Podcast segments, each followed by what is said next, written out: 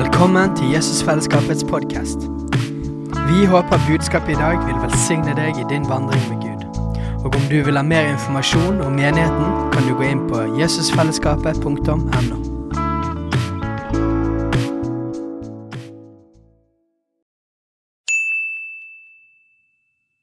Hei! Visste du at Jesusfellesskapet starter en ny bibelskole til høsten? Den heter Jesusskolen og starter den 3. september. Gå inn på jesusskolen.no for mer informasjon. Dere, vi skal eh, begynne en ny taleserie som skal gå nå i starten av eh, året, i alle fall. Og eh, det er jo sånn at vi er veldig glad i evangeliet. Vi blir jo aldri ferdig med å forsyne evangeliet, blir vi det? Og så er det sånn at Evangeliet og Guds ord har jo flere forskjellige sider. Gud er jo en fantastisk Gud, og han har masse sider, og vi liker alle sidene til Gud. Og vi liker alle deler av evangeliet. Vi tror det at, eh, at hvis, vi ha, hvis vi skal ha så mye frihet og, og, og blomstring som mulig, så må vi forkynne hele Guds råd. Amen? Så det som vi har forkynt mye, Jeg har forkynt mye om eh, eh, alvorligheten av synd og omvendelse. Det har jeg forkynt en del om. Vi har forkynt masse om Guds enorme nåde, og vi har forkynt masse om Guds kjærlighet. Alle disse tingene har vi i korset. I korset så møtes Guds dom og Guds enorme kjærlighet og nåde. ikke det fantastisk? Så det har vi snakket masse om. Og så i, i, i nyttårshelgen så var, var, vi med familien oppe et sted som heter Lofnes oppe i Nordfjord, ute i havgapet. Eh, og... Eh, og der eh, en kveld jeg skulle legge meg og sove og lå litt sånn og tenkte, så begynte Den hellige ånd å undervise meg om en annen side av evangeliet.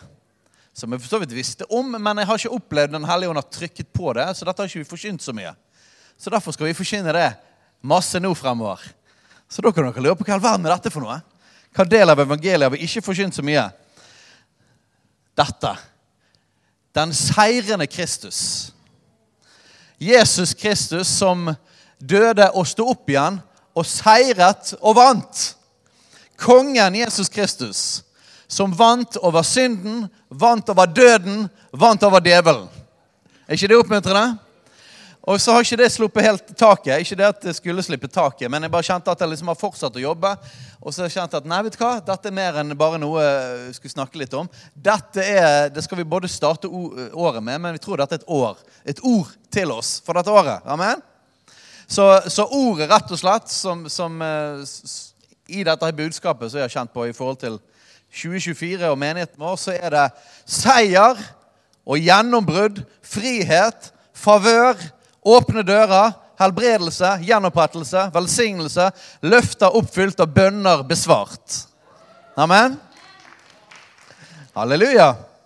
Og nå er det sånn at eh, Vi tror på hele evangeliet, og det kan godt være at vi, vi kommer til å ha en, en, en, en serie om lidelse og, eh, og, tøffe tider og forfølgelse òg. Halleluja. Det er det òg løfter til i Bibelen. Vi vil ha alt sammen, vil ikke vi det? Men dette òg er en stor del av evangeliet. At Jesus Kristus han er den seirede. Han er kongen. Amen? Så, så, vi tror ikke på et år når vi begynner et nytt år nå. Så er ikke det liksom, Vårt budskap er ikke at det er håpløst. Er det det? Det er heller ikke at det er elendighet, motløshet, kraftløshet. Det er ikke vårt budskap. Vårt budskap er det at fordi at Jesus Kristus har seiret, så får det konsekvenser for livet vårt. Og Det betyr at, at kampene som vi står i, det er håp i de kampene. Ikke bare, ikke hovedsakelig pga. hva vi kan gjøre, men pga. det Jesus har gjort. Amen? Ikke det fantastisk? Alt det han har gjort, det er ren nåde. Er ren nåde. Alt det han har vunnet når han døde og sto opp igjen, det får vi gratis hvis vi ønsker det. Ok, La oss ta en liten sånn kjapp greie, for dette var det Den hellige ånd underviste meg når jeg lå der i sengen. En liten sånn oversikt, og så skal vi, skal vi, gå dypere inn i disse tingene i, i, flere uker. Men jeg bare har lyst til å ta en litt sånn her eh, oversikt over Jesus som seierherren. Er dere med på det? Når Jesus ble født, så kom han Vi har akkurat snakket om, om evangeliet. det, I dag er det født en frelser. Vi benytter jo eh, julaften til å forkynne evangeliet. Og at, eh, at, poenget med julen er mer enn at det kom en baby, men at det kom en frelser. Og Så vokste han opp, og eh, etter hvert når han ble rundt 30 år gammel, så kalte Gud han inn i sin tjeneste. Og Så kom han til Jordan, og så ble han døpt av døperen Johannes. Når han ble døpt av døperen Johannes, så sa, han, sa Johannes det at Eh, kommer du her for å bli døpt av meg? Det er heller jeg som trenger å bli døpt av deg. Sant? Hvorfor det? Fordi at Jesus var uten synd, og dette var omvendelsesdåp. Men så sa Jesus nei, la det skje. Ok, hvis du sier det. Der begynte Jesus sin identifisering med oss som mennesker. Jesus hadde ikke syndet, men Jesus kom for å bære vår synd. Du skjønner? Han var en representant for oss, for hele menneskeheten. Og Så ble han døpt der, sto opp, og så kom Den hellige ånd over Jesus som en due. Og så ble med ett så ble han drevet ut i ødemarken for å bli fristet. Tror dere at han ble fristet for å, at han skulle falle? Nei, han ble fristet for at han skulle seire. Halleluja. Den hellige ånd førte han ut i fristelse. Ut for å bli fristet av djevelen. For at han skulle seire, at han skulle overvinne djevelen. Så noe av det første Jesus gjør før han begynner å gå ut og, og forsyne evangeliet, helbrede syke og kaste ut ondaner, det første han gjør, det er å være i bønn og i faste og så seire over djevelen. Så der begynner Jesu tjeneste. Jesus seier Herren. Og etter han har vært i ørkenen og djevelen forlot han, så gikk han rundt omkring og helbredet alle som var underkuet av djevelen. Det står det om apostelgjerninga 1038. Så Jesus' sin tjeneste det var en seier over dødens makt. Det var en seier over synden, og det var en seier over djevelen. var ikke det?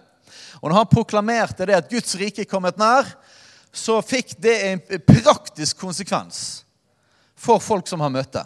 Folk ble satt fri. Folk fikk oppleve Guds nåde. Folk ble gjenopprettet. Folk ble helbredet fra alle slags sykdommer. Så Jesus sin, sin, sin, tjeneste var jo et seierstog imot djevelen, mot synden og mot døden. Amen? Og så begynte han å vekke opp de døde. Og det var jo en proklamasjon av Jesu makt over døden. Og etter i tre og et halvt år cirka, tjeneste så var tiden kommet for at han skulle sone for alle våre synder. Og Så kom Jesus, og vi skal snakke mer om dette om korset og oppstandelsen. Ta noen bibelers på det etterpå. Men Jesus, Bibelen beskriver det sånn at Jesu død på korset var en seier over djevelen. Noen beskriver eh, dette med kors oppstandelse som at korset var et nederlag, og at oppstandelsen var en seier. Det er ikke bibelsk. Eh, Bibelen beskriver det sånn at korset er en seier, og oppstandelsen er en seier. Halleluja! Så Jesus seiret over synden, over djevelen, på korset. Og når han tredje dagen sto opp igjen, så vant han over djevelen og seiret over døden. Amen? Og hvorfor gjorde han det? I Efeserbrevet så står det det at han ble, eh, han ble satt over all makt og all myndighet. Over hvert navn som nevnes kan. Ble, alle ting ble lagt under hans føtter når han døde og han sto opp igjen. Så han sto opp, og så ble han satt der oppe ved Faderens høyre hånd, som betyr at alt er under han. Jesus er herrenes herre. Jesus er kongenes konge. Jesus vant over alt. Amen. Og når han hadde stått opp igjen fra de døde og blitt satt ved Faderens høyre hånd over all makt og myndighet, så sendte han Den hellige ånd til sin menighet. Og dette det er vanskelig å si hva som er den største av disse seirene, for det er jo bare seier på seier på seier. Men jeg, jeg, har, jeg, har, tenkt i mange år på at, at, at pinsedag må jo være djevelens, et, et av djevelens største mareritt. Kan du tenke deg? Djevelen forsto jo ikke mysteriet i Jesus, at Jesus skulle dø på korset. Vi vet jo i Getsemane at var, han, han skulle jo korset. Han, han kjempet med å oh, Jeg vet ikke om jeg, om jeg orker det. sant? Og så sier han nei, men la din vilje skje, ikke min. Uh, så vi vet jo at, at, uh, at det var meningen han ble jo sendt til å dø på korset, men jeg tror ikke djevelen forsto det. Så djevelen var jo med å sette sin egen felle. Sant? Og, og, drev jo folket til å rope 'kors fast' og til å forfølge Jesus. Sant? Så, så djevelen la en enorm felle for seg sjøl, og så ble han beseiret når Jesus døde for alle våre synder på korset. Så ble han beseiret igjen når, når Jesus sto opp igjen fra de døde. Vant over døden. Men så ble han beseiret på pinsedag òg. For ikke bare var det Jesus, da. Den Jesus som han ville ta livet av. Ikke bare var det én Jesus, da, men den samme ånd som var over Jesus, og kom over Jesus når Jesus kom opp fra vannet når han ble døpt i Jordan, den ble nå utøst over alle i menigheten. Alle som trodde på Jesus. Og ble tilgjengelig for alle. Den hellige ånd ble utøst over alt kjød. Det betyr at Den hellige ånd er tilgjengelig for hvert eneste menneske gjennom Jesus Kristus. For et mareritt for djevelen! At nå var det ikke bare én, det er bare Jesus Kristus som er Gud, som er Guds sønn. Han var fullt, fullt ut Gud, fullt ut menneske. Men han salvet oss med den samme ånd som han hadde. Og plutselig så var det ikke bare han som seiret, men hans seier ble gitt videre til oss gjennom Den hellige ånd.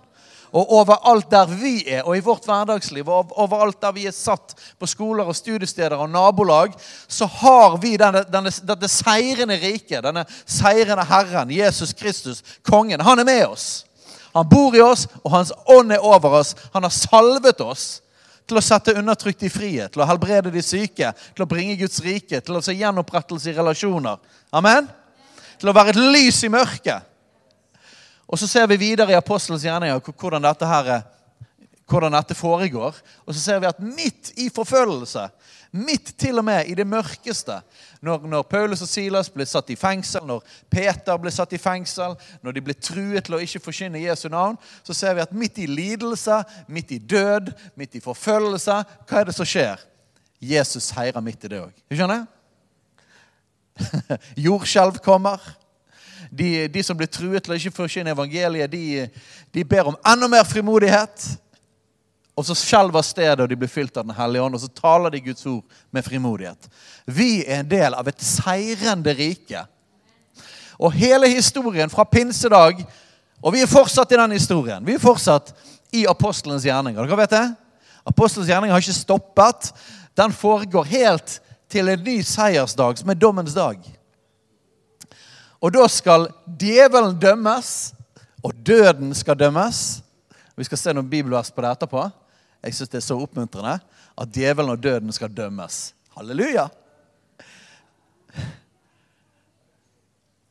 Og så blir det den endelige seieren over all synd, over all sykdom, over all død. Og så får vi til slutt leve sammen med den seirende i all evighet. I dette seiersriket. Så dette er en stor del av evangeliet, folkens. At Jesus Kristus har seiret.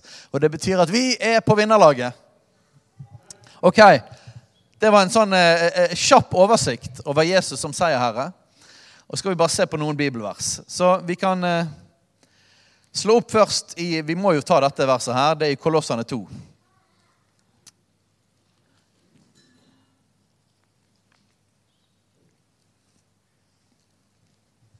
Kolossene 2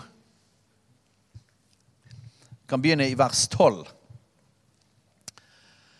Og overskriften 'Den seirende Kristus' det betyr at han, Jesus har seiret over synd, Jesus har seiret over djevelen, og Jesus har seiret over døden. Så vi skal se noen bibelvers på det. Og Vi skal ha dåp i dag. Igjen. Vi hadde dåp rett før jul. Jeg har lyst til at vi skal ha dåp hver eneste uke. Amen? For at nye mennesker blir, blir frelst, blir lagt til. Og så blir de døpt. Amen? Eller døpt og lagt til, for å være helt teknisk riktig. Så vi begynner med et dåpsvers i vers 12 der. For i dåpen ble dere begravet med ham, og i den ble dere også oppreist med ham. Det er derfor vi sier 'begravet med Kristus' og 'oppreist med Kristus'. sant? Dere ble oppreist med ham ved troen på Guds kraft, han som oppreiste Kristus som, som reiste, oppreiste Kristus fra de døde. Guds kraft, han som oppreiste Kristus fra de døde. Det sier, ikke det? Også dere var døde.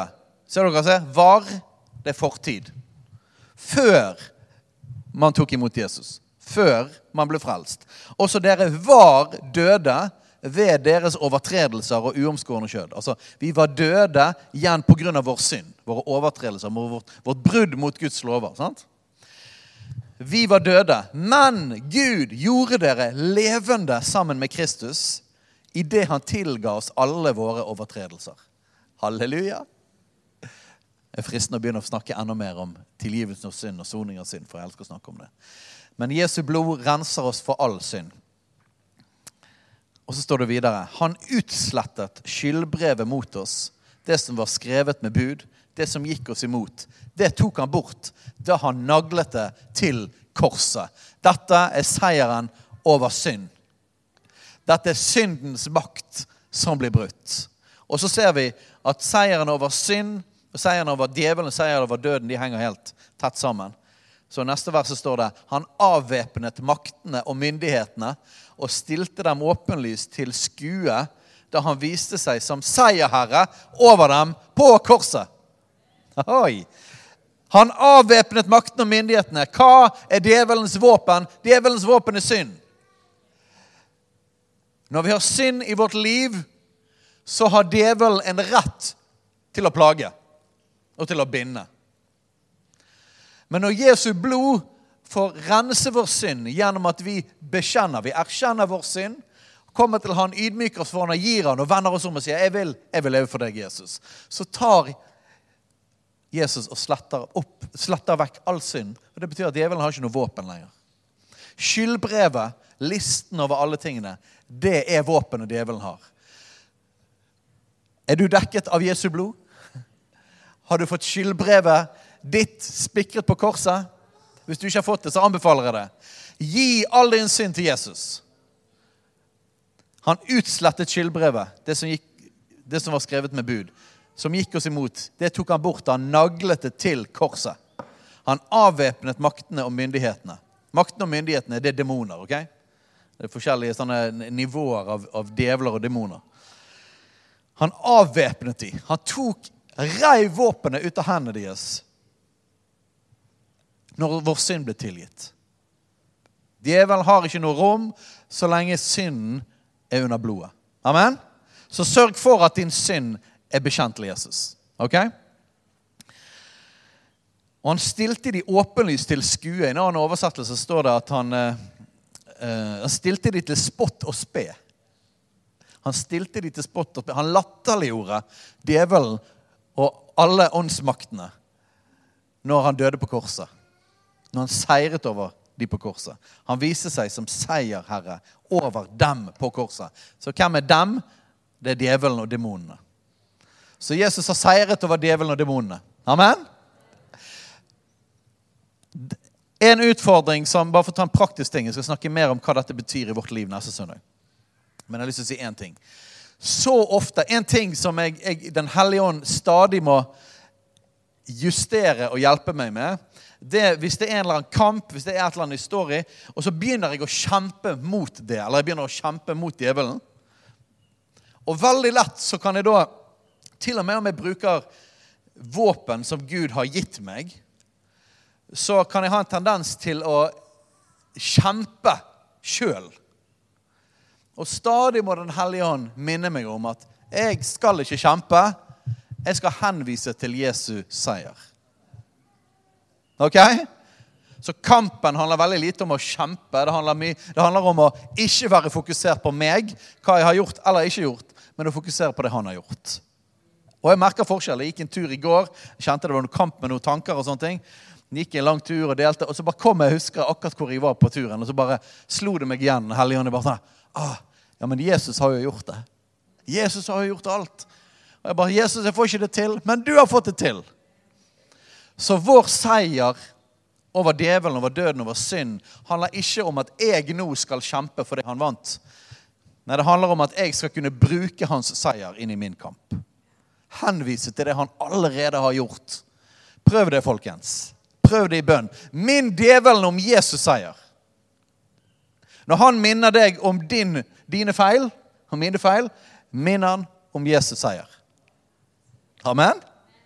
For vi står ikke her på vegne av oss sjøl. Vi står med frimodighet kun pga. Jesu blod. Han viser seg som seierherre over dem på korset. Ok, La oss hoppe videre til 1. Korinterne 15.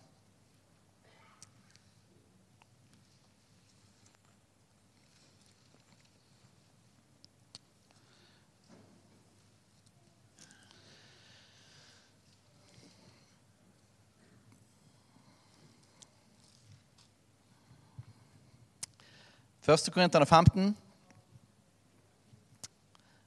Så begynner jeg i vers 13, og skal vi ta noen vers her og der i det kapitlet. Dersom det ikke er noen oppstandelse fra de døde, da er heller ikke Kristus oppstått. Men er Kristus ikke oppstått, da er vår forkynnelse intet, og den tro dere har, er intet. Da blir vi stående som falske vitner om Gud, for vi har vitnet mot Gud at han, at han har oppreist Kristus, noe han altså ikke har gjort dersom det ikke de døde står opp. For dersom de døde ikke oppstår, da er heller ikke Kristus oppstått. Men er ikke Kristus oppstått, da har dere en unyttig tro, og da er dere ennå i deres synder.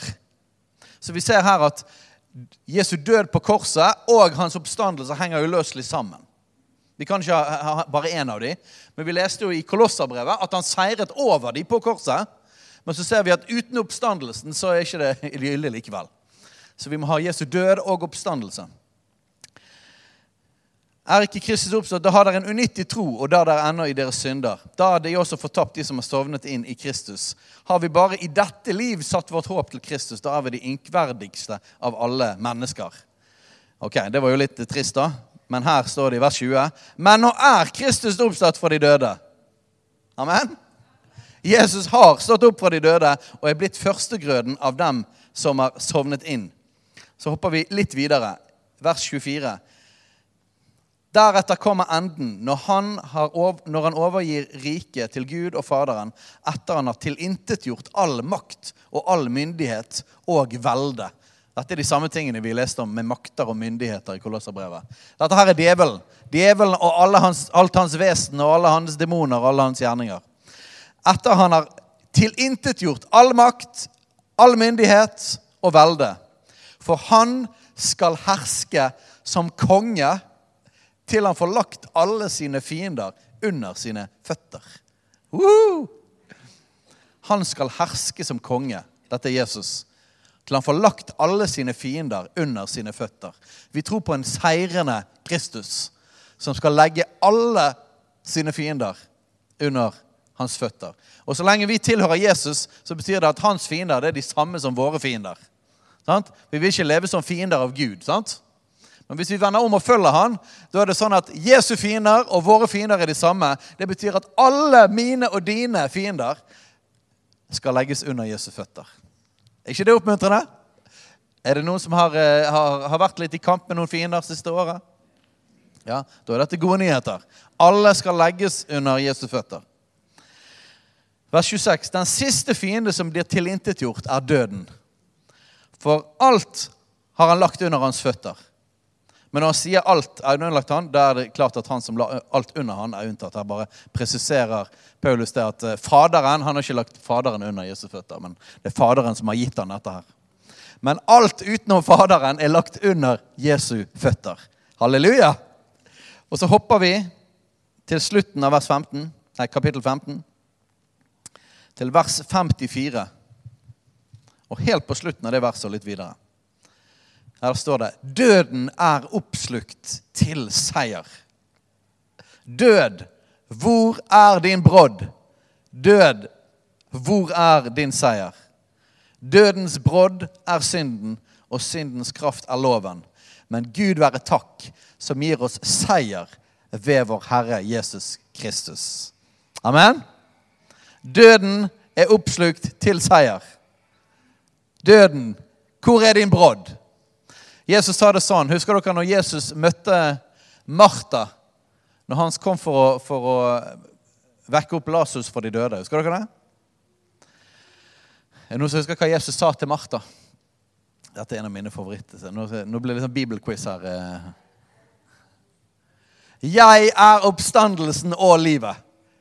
Den som tror på meg, skal aldri i evighet dø. Det betyr at vi aldri skal møte døden. Har du tenkt på det noen gang?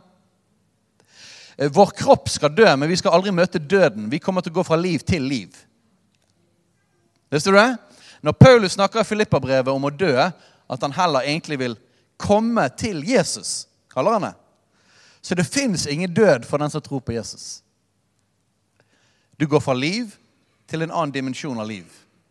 Med en gang det fysiske livet her slutter, uten at vi, det er ikke noe overgang, du går rett over, så er vi i en annen dimensjon sammen med Jesus. Fra liv til liv. Den som tror på meg, skal aldri i evighet dø. Han er oppstandelsen av livet. Jesus er oppstandelsen av livet. ikke det fantastisk? De eneste som opplever døden, det er de etterlatte. Sant? Og de opplever savnet av at den personen er forsvunnet. Men hvis du tror på Jesus, skal du aldri erfare døden sjøl.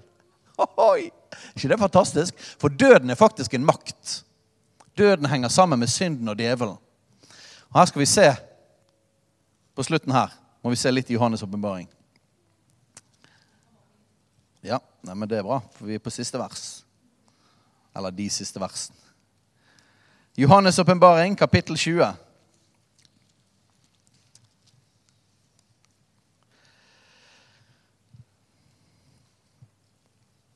Jeg skal bare plukke noen vers her, så er vi ferdig. Kapittel 20, vers 10. Og djevelen som forførte dem, ble kastet i sjøen med ild og svovel, hvor dyret og den falske profet var, hvor de skal pines dag og natt i all evighet. Kan være du synes at det var litt dramatisk, men jeg syns ikke det er trist i det hele tatt. Jeg gleder meg over at djevelen skal bli straffet for at han har stjålet, myrdet og ødelagt i tusenvis av år. Og så står det videre om vi som er skrevet i livets bok, og sånne ting, så jeg bare lyst til å ta vers 14 der. Og døden og dødsriket ble kastet i ildsjøen. Dette er den annen død, ildsjøen. Og døden og dødsriket ble kastet i ildsjøen. Det betyr at døden sjøl skal forsvinne. Amen? Kastes i ildsjøen, og så er det seieren i Johannes' åpenbaring 21. Og jeg så en ny himmel og en ny jord. For den første himmel og den første jord var veket bort, og havet er ikke mer. Og jeg så den hellige stad, det nye Jerusalem, stige ned ut av himmelen fra Gud, gjort i stand som en brud som er prydet for sin brudgom. Fra tronen hørte jeg en høy røst som sa, Se, Guds bolig er hos menneskene. Han skal bo hos dem, og de skal være hans folk. Og Gud selv skal være hos dem og være deres Gud. Og han skal tørke bort hver tåre fra deres øyne. Og døden skal ikke være mer, og ikke sorg og ikke skrik og ikke pine skal være mer, for de første ting er veket bort. Og aller siste verset, vers 7. Den som seirer, skal arve alle ting. Det er oss. Jesus Kristus er seierherren. Han seiret over sykdom, han seiret over død, han seiret over all synd og alle konsekvensene av synd. Og en gang så skal vi alle stå sammen med seierherren, og vi blir de seirende. Amen? Det er annerledes å gå gjennom utfordringer og kamp når vi vet at Jesu liv har vært seier til seier til seier til seier. Og nå er vi bare i en prosess der vi skal gå til enda mer seier. Amen? Så la oss reise oss opp. Bare ta Legg en hånd på ditt hjerte, skal vi bare be inn i dette for den tiden vi skal forkynne en del av dette, men også for dette året her. Jesus, vi gir oss til deg igjen. Og vi takker for det du har gjort for oss. Vi takker for din død og din oppstandelse. Og vi takker for at du skal seire enda en gang når du kommer og henter oss til deg. Og vi skal leve med deg i all evighet. Og vi erklærer i Jesu Kristi navn at dette året skal være et år av seier. Et år av gjennombrudd. Et år av kamper som avsluttes fordi vi kommer gjennom. Et år der negative ting blir snudd til det gode. Et år der vi får bønnesvar for ting som vi har bedt om i mange, mange, mange år. For vi ber om et år der, der relasjoner blir helbredet. Der familier blir gjenopprettet et år der mennesker, mange nye mennesker får møte deg, Jesus. Og vi erklærer at vi tilhører den seirende Jesus Kristus. I Jesu navn. Amen. Amen. Så bra du må oss bli. Ja. Da, så kjekt. Nå er barna kommet ned. De har fått beskjed om at de skal se på dåp som skal skje. Men vi skal faktisk spise pølser først. Det var sånn vi eh, bestemte å rokere litt om på det. Men før vi skal spise pølser Er det noen som er sulten her? De voksne har òg lov å være sultne, altså. Men før vi skal spise, så hadde vi bare lyst å Er det Samuel? Samuel? Pronto! Ja. Her er vi en stor familie, og mor i hus hun har lov å kjefte på alle barna i huset. Sånn er det. Uh, nei, skal vi se. Jo, vi skulle si noe om eh, litt grunn til at vi har pølsefest i dag, Steinar. Hvorfor har vi det? Fordi at Vi liker jo alltid å spise, men vi skal markere noe spesielt i dag. Uh, og eh, og uh, Anne Berit du, Kan ikke du komme fram med Anne Berit? Um,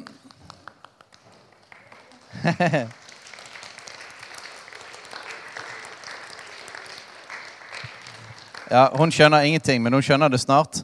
Eh, vi, eh, i, for ett og et halvt år siden så inngikk vi en fusjon sammen med Menighetens evangeliekirken. Som har vært i dette bygget og det dette bygget. Og Det er grunnen til at vi flyttet inn her. Uh, og, og, så har vi hatt en prosess på mange måter til å bli bedre kjent. Og Ingunn fikk et ord om at dette ikke bare skulle være en fusjon, for det er litt sånn teknisk ord, men det skulle være en sammensmeltning. Og Så har vi jobbet litt med hvordan dette ser ut, og vi har, hatt, og vi har fortsatt med kveldsmøter uh, i en periode. Men så, uh, så, har vi kjent på, jeg kjente iallfall på fra slutten av høsten, at jeg tror tiden er over for det. Men jeg sa ikke så mye mer om det. Og så hadde vi en prat sammen med Haugland-familien og, og Elsterådet. Kan ikke du fortelle litt din opplevelse av det? Wow, jeg fikk jo sjokk når det skulle komme frem. Ja, men nå forstår jeg det. Eh, vi hadde Det siste møtet vi hadde, det var et sang- og vitnemøte. Og det kom ingen på det møtet. Ingen. Bare vi som skulle lede det. Og jeg tenkte kjære Gud, det, var jo, det var jo sikkert seks-syv stykker som hadde sagt til meg helt sikkert de skulle komme. Og tenkte kjære Gud, hva vil du med dette her? Kjære Gud, jeg forstår ingenting. Du må vise oss hva vi skal. Vi var helt fra, jeg, var, jeg var fra meg. Og eh, da søndagen etterpå kom vi her på formiddagsmøte. Og spesielt Geir Inge og jeg, vi kjente at vi er en menighet i menigheten. Og det gjorde forferdelig vondt. Vi var ikke en del av dere. Og um, vi ba over det òg. Og så Da hadde vi vel dette møtet ja, med dere i ledelsen. Og jeg sa ingen skal få stoppe meg å slutte på kveldsmøtene. Og heller ingen skal overtale meg å begynne på formiddagsmøtene. Gud, du med din ånd skal gjøre dette her. Ikke noe annet. Jeg er villig til å slippe alt, kjære Jesus. Villig til å slippe alt for deg. Så kom vi opp på dette møtet. Og jeg bare kjente at kjære Gud, der Helligånden overtok jo fra med en gang. Og vi kjente en sånn at nei, vi skulle ligge det på is. Kanskje vi får det igjen seinere en gang. Men nå skulle vi legge det på is. Og jeg kjente en sånn lettelsessukk nesten gikk gjennom alle sammen som var der. Og vi kjente at dette var rett. Og så kom det opp på søndagen etterpå der igjen. Så går vi her og tenkte Gud, vi er hjemme. Vi er kommet hjem. Og nå er vi hjemme. Takk og lov til Jesus. Så jeg har lyst til, så Derfor eh, vil vi ta litt ekstra tid med fellesskap. Så jeg har lyst til at vi skal bare be ordentlig for de som er her i dag, som, som var med i Evangeliekirken før, og velsigne de spesielt. Eh, så nå mange som står her, så kunne ikke dere rekt opp hånden? Bare dere som var i evangeliet. Og så har jeg lyst til at dere som står rundt, skal, skal gå bort til dem. Legge hendene på dem. Og Vi har prøvd å bli ledet av Den hellige ånd gjennom hele denne prosessen. Men vi opplevde at dette var det neste steget. Og at det er viktig nå at vi er alle sammen samlet på, på formiddagene formiddagen. Og eh, at vi er en menighet.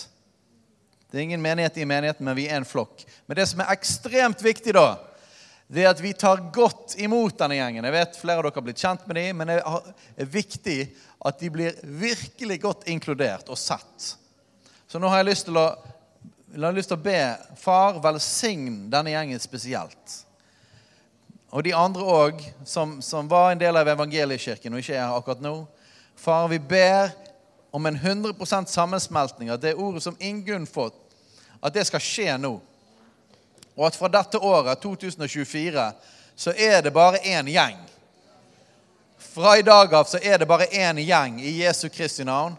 Det er ingen skiller.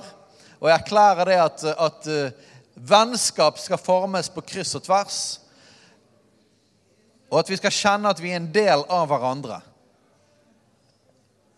I Jesu Kristi navn. Amen. Så derfor har vi pølser. Vi har pølser for å feire det, og for at vi skal henge sammen. Så nå vil jeg utfordre dere. Sørg for at dere får en prat og sagt hei, og inkludert denne gjengen spesielt. Hei, alle sammen. Det er Katrine og Steinar Lofnes her. Vi er hovedledere for Jesusfellesskapet. Så kjekt du har lyttet til denne podkasten. Har du forresten hørt noen av de andre podkastene våre? Ukens tale, Disippelskolen, Hyrdepodden, Kulturkrigen og Mammas hjerte.